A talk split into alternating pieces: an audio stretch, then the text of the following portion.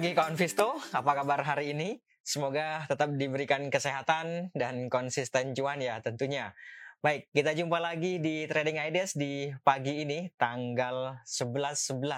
Wah, ini bagus banget tanggalnya 11 11. Biasanya kalau 11 11 itu banyak banyak yang ya gitulah pokoknya ya. 11 11 banyak yang berburu maksudnya. Oke. Nah, sebelum kita membahas tentang ide di trading, ada baiknya kita review dulu pergerakan IHSG di perdagangan kemarin.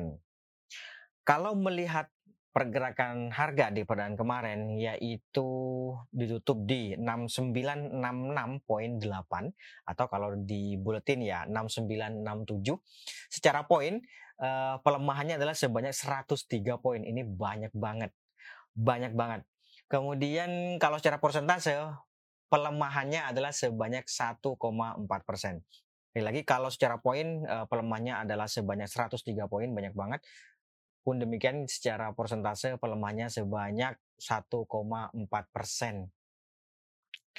Nah, apakah pelemahan ini akan berlanjut karena ada diskon 11-11? Nanti coba kita lihat bareng-bareng ya. Tapi yang jelas, di bulan kemarin itu tekanan jual memang praktis muncul sejak awal perdagangan. Karena ya eh, bursa globalnya kemarin kan juga memerah ya, banyak uh, minus 2% gitu-gitu kan. Kemudian itu bertahan sampai dengan akhir sesi pertama. Artinya uh, meskipun muncul sih dorongan beli yang mencoba untuk menghambat laju pelemahan akan tapi itu belum mampu untuk membawa indeks menjadi lebih baik akhirnya di perdagangan sesi pertama sendiri ya bisa dibilang kecenderungannya cenderung bergerak melemah sedikit berbeda dengan di sesi pertama. Di sesi kedua, meskipun di awal-awal perdagangan itu uh, muncul tekanan jual, akan tetapi kemudian dia bergerak bisa dibilang relatif sideways lah gitu ya. Tidak uh, ya sidewaysnya itu di satu persen ke atas gitu. Tetap aja sih uh, apa namanya, tetap tekanan jualnya tidak meredah tetapi dorongan belinya juga muncul. Artinya seimbang lah gitu ya. Di meskipun minusnya satu uh, persen ke atas gitu.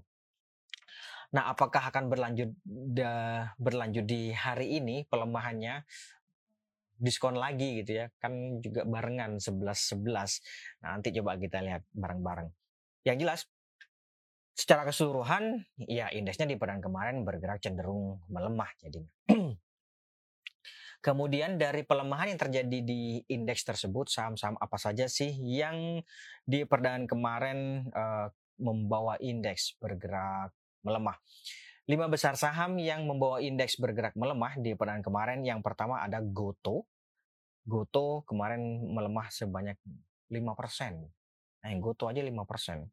BRI, kemudian ada United Tractors, United Tractors juga 5%. Kemudian ada Bank BCA dan terakhir ada Adaro Energi. Itu dia lima besar saham yang uh, membawa indeks bergerak melemah. Sementara sebaliknya, lima besar saham yang membawa uh, mencoba untuk menghambat laju pelemahan indeks. Itu yang pertama ada Bank Aladin atau Bank. Kemudian ada INTP, lalu ada Mior atau Emior, Mayora, kemudian ada Kalbe Pharma, KLBF, dan terakhir ada Semen Indonesia atau SMGR. Itu dia lima besar saham yang mencoba untuk menghambat laju pelemahan indeks. Bagaimana dengan transaksi asing? ya.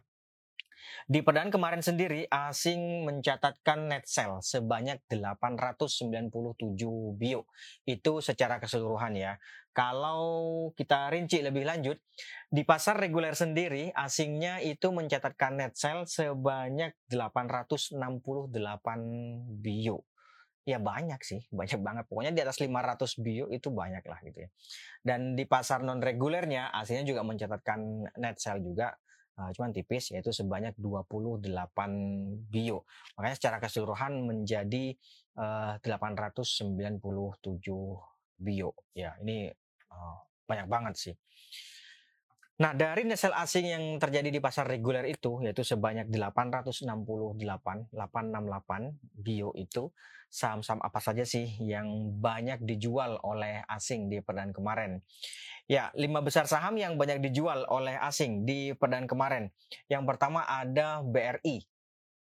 BRI menduduki ranking pertama yang banyak dijual oleh asing. Kemudian berikutnya disusul oleh Bank BCA atau BBCA. Lalu ada Telkom, kemudian ada Bank Mandiri, dan terakhir ada ITMG. Itu dia lima besar saham yang banyak dijual oleh asing. Tiga di antaranya adalah saham-saham uh, perbankan. Lima besarnya ya. Sebenarnya termasuk juga BNI sih. BNI, UNTR gitu tuh masuk juga yang banyak dijual oleh asing. Tapi dia masuknya ke 10 besar. Astra juga. Oke, itu dia lima besar saham yang banyak dijual oleh asing. Sementara sebaliknya, lima besar saham yang banyak dibeli nih oleh asing. Yang pertama ada Adaro Energi, kemudian ada TCPI, ada MDKA, kemudian disusul oleh Semen Indonesia dan terakhir ada Energi. Itu dia lima besar saham yang banyak dibeli oleh asing. Termasuk juga saham beli beli ya, beli-beli ya itu juga termasuk salah satu yang banyak dibeli oleh uh, asing dan juga Saratoga, tapi masuknya ke 10 besar. Itu ya. Oke, itu dia untuk transaksi asing. Bagaimana dengan outlook hari ini? ya, ini dia. Nah, pelemahan yang terjadi di perdaan kemarin tampaknya mendahului 11-11 yang diskon. Oh ya, sebelum saya lanjut ke apa namanya pembahasan tentang indeks ada pengumuman penting nih kawan Visto. Sampai dengan saat ini investasiku tidak pernah menerima pengelolaan dana ya. Kami tegaskan lagi bahwa investasiku tidak pernah menerima pengelolaan dana. Jadi kalau ada pihak-pihak tertentu yang mengatasnamakan investasiku, bilangnya menerima pengelolaan dana atau mengumpulkan dana dan lain sebagainya lah pokoknya yang mengatasnamakan investasiku itu bisa dipastikan penipuan. Jadi hati-hati ya. Karena ada nih beberapa uh, udah lama sih sebenarnya ya. Banyak orang juga yang kena tertipu uh, mengatasnamakan investasiku, katanya menerima pengolahan dana. Sekali lagi saya tegaskan, kami tegaskan di sini investasiku tidak pernah menerima pengelolaan dana. Jadi kalau ada pihak-pihak tertentu yang mengatasnamakan investasiku, maka itu bisa dipastikan adalah penipuan. Itu ya, hati-hati. Oke, kita lanjut. Uh, bagaimana dengan ISG? Ya, kalau melihat perdagangan kemarin, memang kan tekanan jualnya, ya, saya saya gedein aja ya. Nih, tekanan jualnya mendominasi, ya kan? Sejak awal perdagangan ya sampai sampai di akhir sih, meskipun tadi di sesi kedua kan sudah relatif sebenarnya relatif sideways. Jadi eh, di sesi pertama aja sudah eh, di se, sejak awal aja sudah apa tekanan jualnya cukup tinggi dan bertahan di level-level itu, gitu loh tampaknya kan juga mencoba nih untuk be, untuk melewati MA 200. Kalau misalnya hari ini dia gagal untuk bertahan di atas MA 200, saya pikir ada potensi untuk berlanjut melemah. Tapi menariknya adalah ini dia. Ini kan terjadi gap down. Ya enggak? Nih saya tandain hijau nih. Kemarin dia terjadi gap down dan ini uh, bisa dibilang ini sih sebenarnya ini sih common gap. Kalau common gap kan biasanya uh, terisinya lebih cepat gitu ya. Nah, jadi hari ini sih diperkirakan uh, bisa saja bergerak menguat, ya kan?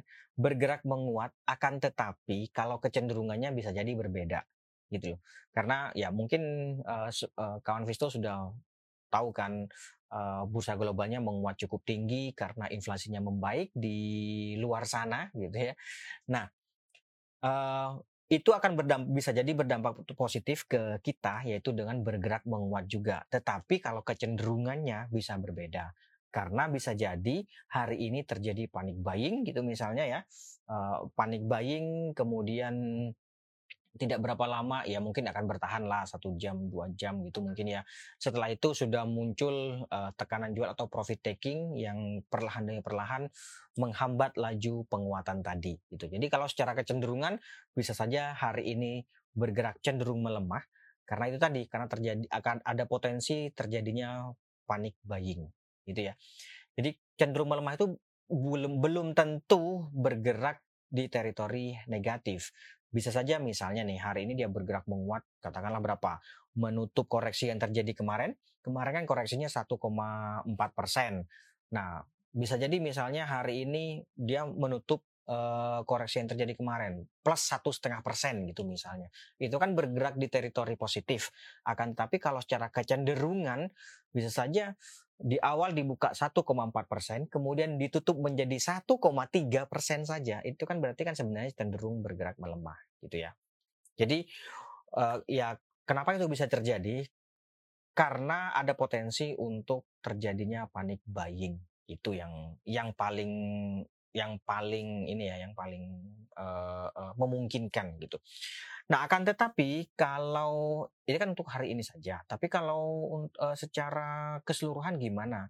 Ya itu tadi kembali uh, misalnya hari ini ini kan sudah berapa kali nih uh, MAC kok MACD MA 200-nya belum mampu untuk dilewati.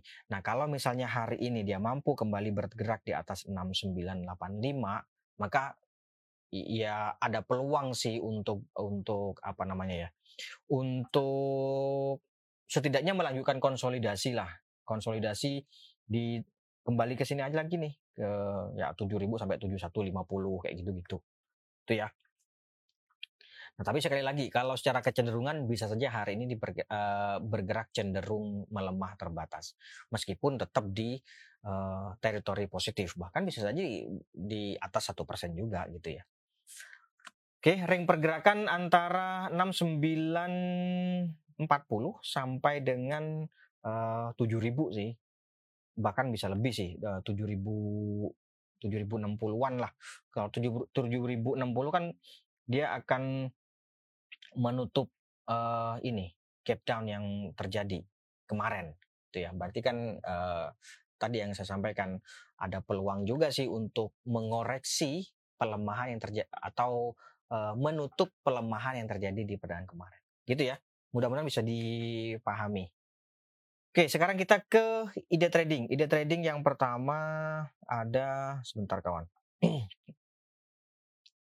ide trading yang pertama ada jasa marga. Saya lihat jasa marga dulu ya. Nah, jasa marga ini cukup menarik sih. Kalau melihat pergerakan harga di perdagangan kemarin, dia sedang tampaknya sedang uji resist 3330. Jadi boleh saja ini buy on breakout di atas 3330. Jadi misalnya 3340, 3350 kayak gitu ya. Nah, uh, kalau terjadi gap up ya ada baiknya tunggu di bawah sih 3330 kalau terjadi gap uh, gap up gitu ya. Target take profitnya di berapa? Yang jelas uh, take profit boleh dipertimbangkan di 3430 atau di atasnya lagi ya 3480 3480 yang sini nih kawan 3430 ya yang ini nih jadi sepanjang 3430 itu masih dinilai layak ya boleh saja sih untuk uh, trading buy meskipun terjadi gap up gitu ya tapi kalau mau cukup ideal ya kalau terjadi gap up ya harusnya sih nunggu aja dulu deh nah gitu Oke, nanti stop lossnya di berapa? Stop lossnya di bawah 3300 gitu. Itu untuk jasa marga. Kalau melihat ini juga nih, ini bullish crossover kan? Coba kita lihat tuh, ya kan? Ini sudah bullish crossover uh, di stokastik. Saya pikir sih ada peluang untuk bergerak menguat dalam jangka pendek. Kita lanjut berikutnya ada S-list. ya, sebenarnya S-list ini praktis tidak banyak mengalami perubahan yang cukup signifikan ya. Uh, belum mengalami perubahan yang cukup signifikan. Artinya koreksi yang terjadi di perdagangan kemarin itu kan sebenarnya uh, apa mengoreksi penguatan selama dua hari sebelumnya.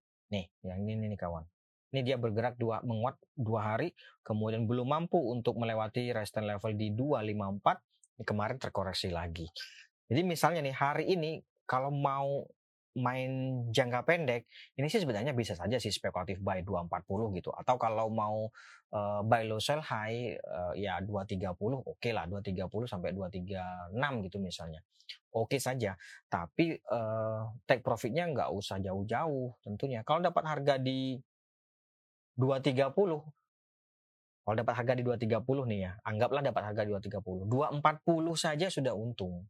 Gitu ya masalahnya cukup atau enggak. Memang sih idealnya kan jualnya di 254 uh, gitu ya. Tapi maksud saya kalau misalnya nih uh, katakanlah nggak sampai di 230 kemudian hanya 238 gitu. Kemudian dia bergerak menguat sampai di atas 240 ya bisa saja sih ikutan spekulatif buy. Targetnya ya nggak usah jauh-jauh juga di 254 ini aja gitu kawan gitu ya. Nanti kalau ternyata dia bergerak menguat atas itu dengan dukungan volume yang tinggi, ya baru kita boleh oh ikutan lagi nih kayak gitu. Gitu ya. Ini kan masalahnya kan volume nggak muncul juga nih. Ya nggak? Bisa nggak kelihatan nggak nih? Nih volumenya kan nggak muncul juga nih. Berbeda kan dengan yang di sini nih.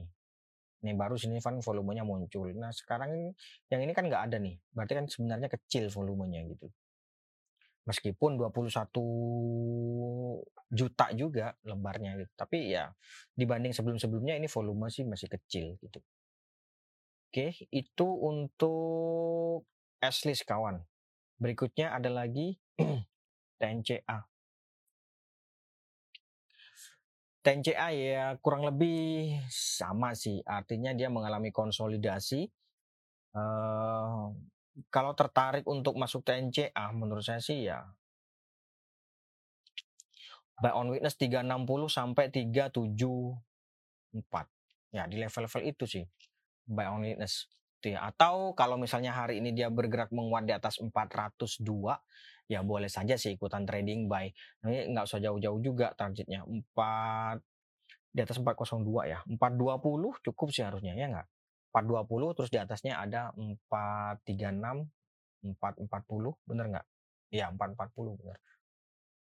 Gitu kawan di level-level itu boleh. Cuman kalau uh, sampai dengan saat ini sih karena trennya kan masih cenderung melemah nih. Jadi ya ini bisa dibilang cukup kuat nih, kuat nih supportnya nih di 360 sampai 374 ya. Ya, kalau mau ideal sih tunggu di situ sih. Buy on di level-level itu, level-level situ.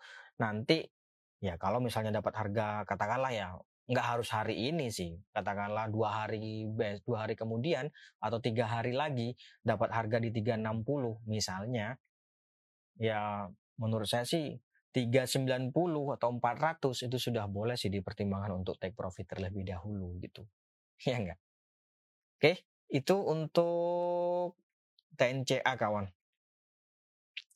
Kemudian berikutnya ada RMKE. RMKE. Nah, ini dia RMKE nih. Sebenarnya ini cukup menarik sih kalau melihat ini saja uh, ada peluang sih untuk bergerak rebound. Ini kan di sini nih, ya enggak?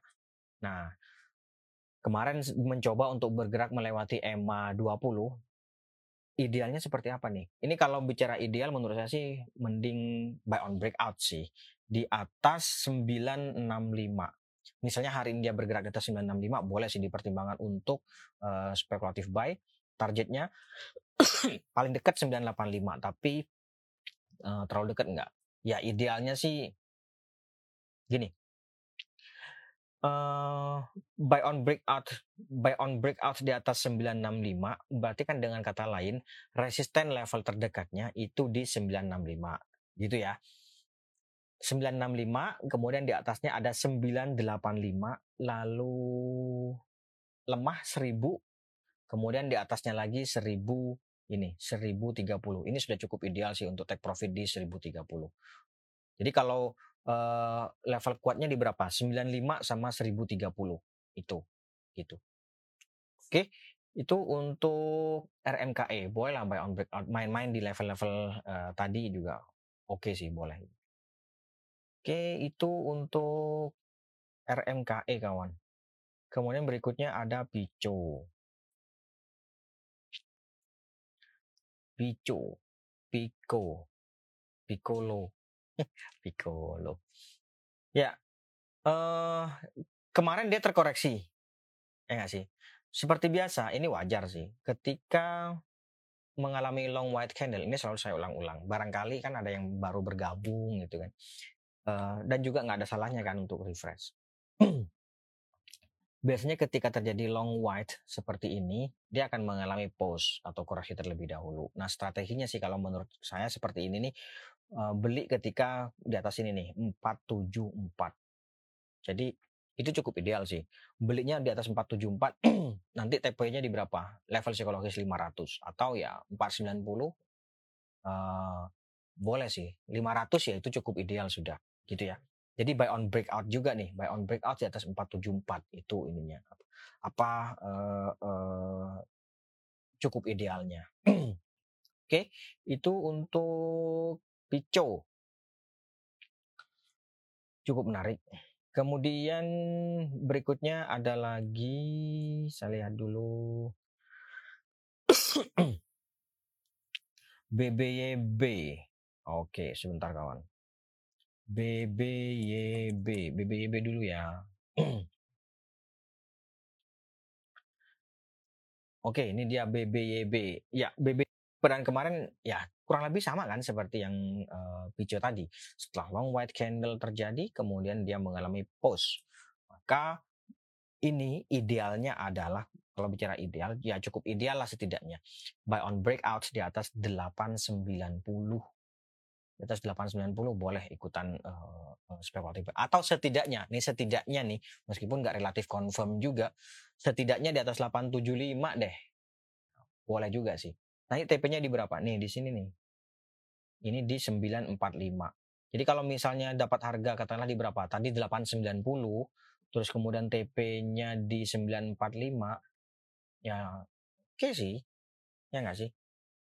Uh, cukup lah gitu Untung lah yang jelas. Oke, itu uh, BBYB. Nanti stop lossnya di bawah 8 kalau misalnya dapat harga di berapa? Di atas 890. Nah, kalau dapat harganya di, di atas 890 ya stop lossnya di bawah di bawah 850 sih. Gitu. Oke, itu untuk BBYB kawan. Kita lanjut. Ada PBRX. Udih, PBRX nih. Ini ARB berjilid-jilid lagi kawan ya. Setelah mengalami penguatan tiga hari ini, kemudian dia melemah juga tiga hari, ada potensi nih ya kalau saya giniin deh. Nah, kalau bicara ideal, maka ini kan belinya di sini kawan nih. Nih, ini cukup ideal sih udah di sini. Karena dia berangkatnya dari sini, bener nggak? Gitu kawan. Jadi hari ini sih masih ada potensi untuk mengalami pelemahan lagi. Nah, cuma menariknya adalah dia kan mencoba untuk bertahan di atas ini nih harusnya. Ya nggak? Ini kan support terdekatnya di sini nih. 135. Uh, jadi menurut saya sih ini kalau misalnya hari ini dia katakanlah uh, apa gini, dibukanya melemah, katakanlah di bawah 135, kemudian dia bergerak naik sampai di atas 135, menurut saya sih uh, boleh saja sih ikutan trading buy. Nah targetnya uh, di sini, targetnya di sini nih. Sebentar, saya kasih garis saja. Nih di sini nih. 140 gitu. Dengan kata lain juga bisa gini, closing kemarin kan 137 nih. Ya enggak? Support terdekatnya 140 kayak gini. Nah, terus eh kok support resisten terdekatnya 140, supportnya di 135. Itu kan. Kalau melihat tekanan jual yang terjadi selama tiga hari terakhir ini, dia masih ada potensi nih untuk melanjutkan pelemahannya. Bahkan bisa saja, bisa saja ARB lagi, gitu kan. Nah, akan tetapi misalnya nih hari ini katakanlah dia dibuka di melemah ARB lah katakanlah gitu. Tetapi kemudian dia bergerak naik sampai di atas 135 ini. Kalau dia ARB lagi kan berarti ini sebenarnya jadi resisten kan? Ya enggak? Nah, kalau dia bergerak menguat lagi di atas ini boleh sih ikutan trading buy lagi itu. nanti TP-nya di nggak usah jauh-jauh 140 aja itu resistnya kan karena di sini atau beda skenario nih skenario kedua adalah ternyata 137 ini dia uh, nggak melemah. Misalnya dibuka sama nih 137 kemarin tapi kemudian bergerak menguat sampai 140 di atas 140 dengan dukungan volume yang tinggi kita ikutan juga. Artinya buy on breakout di atas 140 nanti target TP-nya di berapa? Ya kalau terdekatnya sih sini cuman uh, masuk nggak untung sih masalahnya adalah uh, cukup nggak itu aja. Misalnya nih kita dapat harga di atas 140 ya katakanlah dapat 141 misalnya. Jual 143 uh, cukup nggak kalau untungnya pasti untung ya nggak sih? Coba lah kita hitung ya.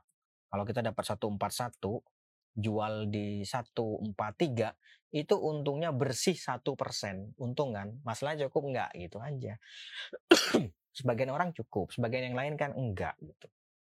Nah ya boleh dinaikin ke sini juga boleh sih ini berapa nih 148 atau 1 ya 47 147 boleh lah di di situ. Kalau itu kan ya lumayan lah ya lumayan. Harusnya sih sudah uh, mulai cukup. Itu ya antisipasinya ya ada dua skenario uh, apa namanya uh, tradingnya Tentu kalau idealnya mah belinya di sini nih kawan. Ini cukup ideal lah setidaknya 125. Gitu, oke. Okay. Kalau demand zone di mana? Ada yang nanya misalnya demand zone. Demand zone-nya jauh di bawah. Di sini kawan. Nih. Sebentar. Demand zone-nya di ya bisa dibilang di sini sih. Enggak. Jauh.